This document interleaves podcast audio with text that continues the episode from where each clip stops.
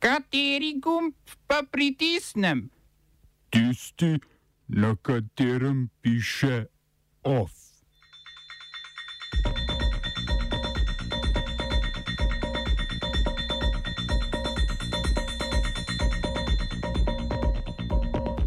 Kitajska je Afganistanu ponudila 26 milijard evrov vredno pomoč. Na maroških volitvah vladajoča stranka močno izgubila. Velika Britanija dviguje davke na plače.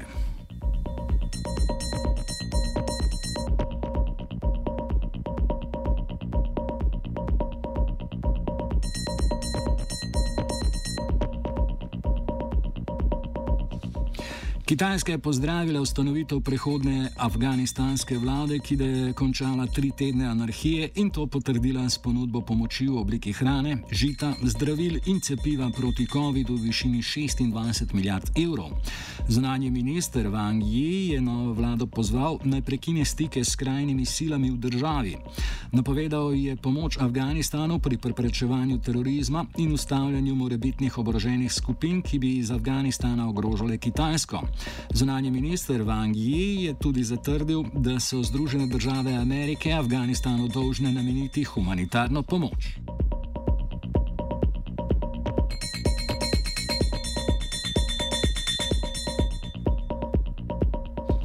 Ameriški zunanji minister Antony Blinken svari, da bodo Združene države Amerike kmalo odstopile od pogajanj o ameriški obnovitvi upoštevanja iranskega jedrskega sporazuma. Blinken je zatrdil, da ne bom določil datuma, vendar smo vse bližje točki, ko stroga vrnitev k upoštevanju oziroma spoštovanju iranskega jedrskega sporazuma ne bo ponovila koristi tega dogovora. Blinken namreč trdi, da Iranu zmanjkuje časa, da bi se vrnil k upoštevanju sporazuma. Mednarodna agencija za jedrsko energijo je namreč ta torek sporočila, da Iran še naprej brez omejitev bogati uran. Poleg tega so se pogajanja zamrznila zaradi avgustovske menjave iranske vlade. Posledično je nemški zunanji minister Heiko Maas iransko vlado pozval, naj se čim prej vrne za pogajalsko mizo.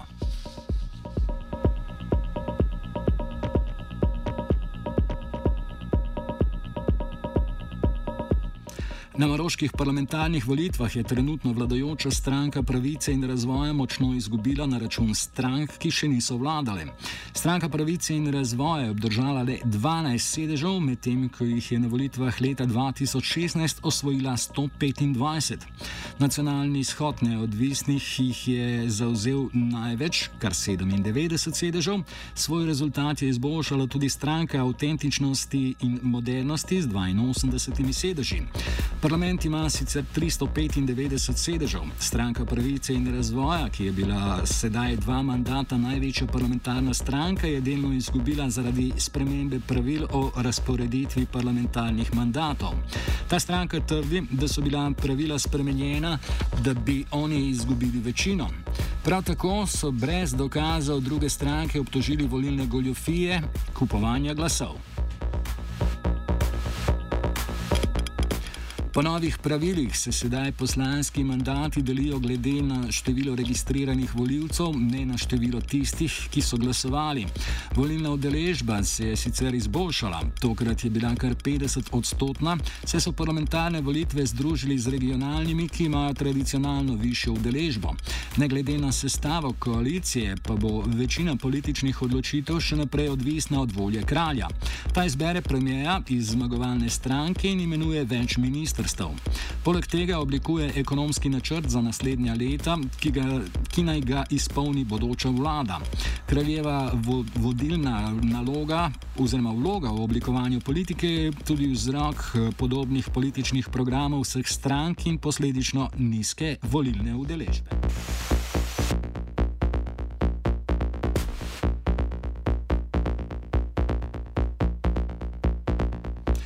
Spodnji dom britanskega parlamenta je odobril premijev načrt o dvigu davkov za plačilo stroškov zdravstva in sociale. Johnson je namreč predlagal 1,25 odstotni dvig davka na plače in 1,25 odstotni dvig davka na dividende. To je davek, ki ga plačujejo delničari, ko njihov dobiček od dividend preseže določeno vsoto. Dvig davka na dividende bo predvidoma prinesel okrog 700 milijonov evrov, ostali 12,8 milijarde evrov letno pa bo posledica dviga davka na plače. S tem dvigom naj bi se delež prihodkov, ki se stečejo v državno blagajno, povečal na najvišjo raven po letu 1955. V svojem volilnem manifestu iz leta 2019 imajo Torici sicer napisano obljubo, da ne bodo dvigovali davkov. Laboristi so predlog kritizirali, ker obdočuje plače delavcev in ne bogatstva. Obregnili so se tudi ob nejasen načrt za izboljšanje socialnega sistema. Poleg tega bo večina pobranega davka v naslednjih treh letih namenjena zdravstveni blagajni oziroma skreševanju čakalnih vrst.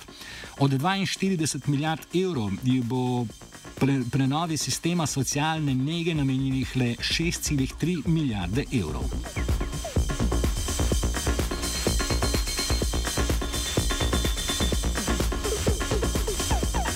Francoski zdravstveni minister Olivier Véran je napovedal, da bodo vsa kontracepcijska sredstva ter z njimi povezani pregledi in testi za ston za ženske mlajše od 25 let. Ukrep, ki bo začel veljati takoj, je minister uvedel, rekoč, da vse več mladih žensk ne uporablja kontracepcije zaradi njene cene. V Franciji pacijent vnaprej plača za preglede in zdravila, na kar mu zavarovalnica povrne celotne stroške ali le del, odvisno od višine paketa dodatnega zdravstvenega zavarovanja. Ženskam nad 25 let bo v prihodnosti še naprej povrnjenih 65 odstotkov stroškov kontracepcije.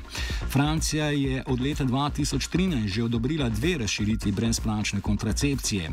Sprva za dekleta med 15 in 18 letom, leta 2020 pa še za mlajše od 25, 15 let.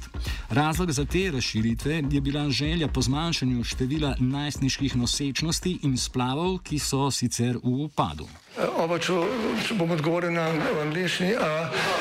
Slovenija bo poskušala pomagati. Slovenija bo naredila naš utmost, da bo rekla, da je situacija naš problem, naš sebe. In bomo naredili nadaljnje korake, as soon as the conditions are. Bomo vlado Marjana Cererera Šarca podprli.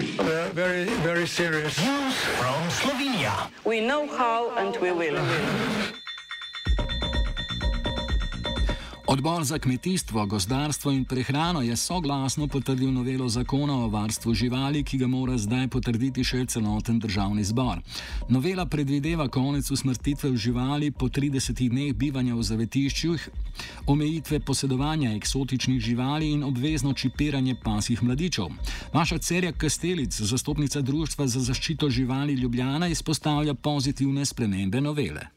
Zdaj, novela zakona o zaščiti živali prinaša tudi nekaj pozitivnih sprememb. Recimo velika uh, sprememba oziroma korak na bolje je prepoved uporabe električnih ovratnic. Jaz upam, da bo to res obveljalo, ker zaenkrat vse podatke, ki jih imamo, prihajajo iz medijev.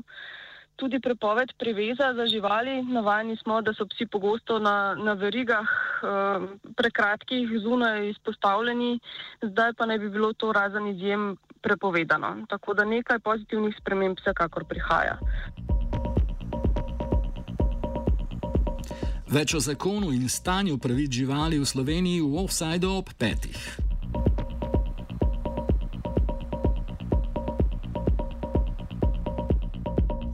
Trenutni vršilec dožnosti generalnega direktorja Fursa Ivan Simič eh, se je tik pred zdajci prijavil za razpis za novega generalnega direktorja Fursa. Simič, ki je Furs vodil že med letoma 2006 in 2008, je sicer dolgo trdil, da nima namena postati generalni direktor, saj da se kot lastnik davčno-svetovalnega podjetja zaveda, da bi se v primeru imenovanja za direktorja Fursa konflikt interesov še bolj stopnjeval. Poleg Simiča so se na razpis prijavili še trije kandidati, katerih imena še niso javno znana.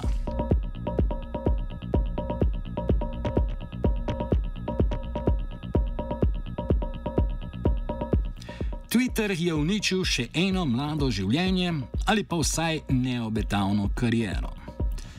Prvi opičnjak Urban Purgar je namreč odstopil z mesta predsednika Društva za promocijo tradicionalnih vrednot.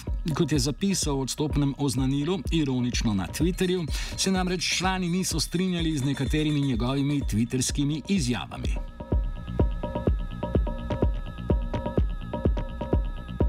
Of je spisala Gea.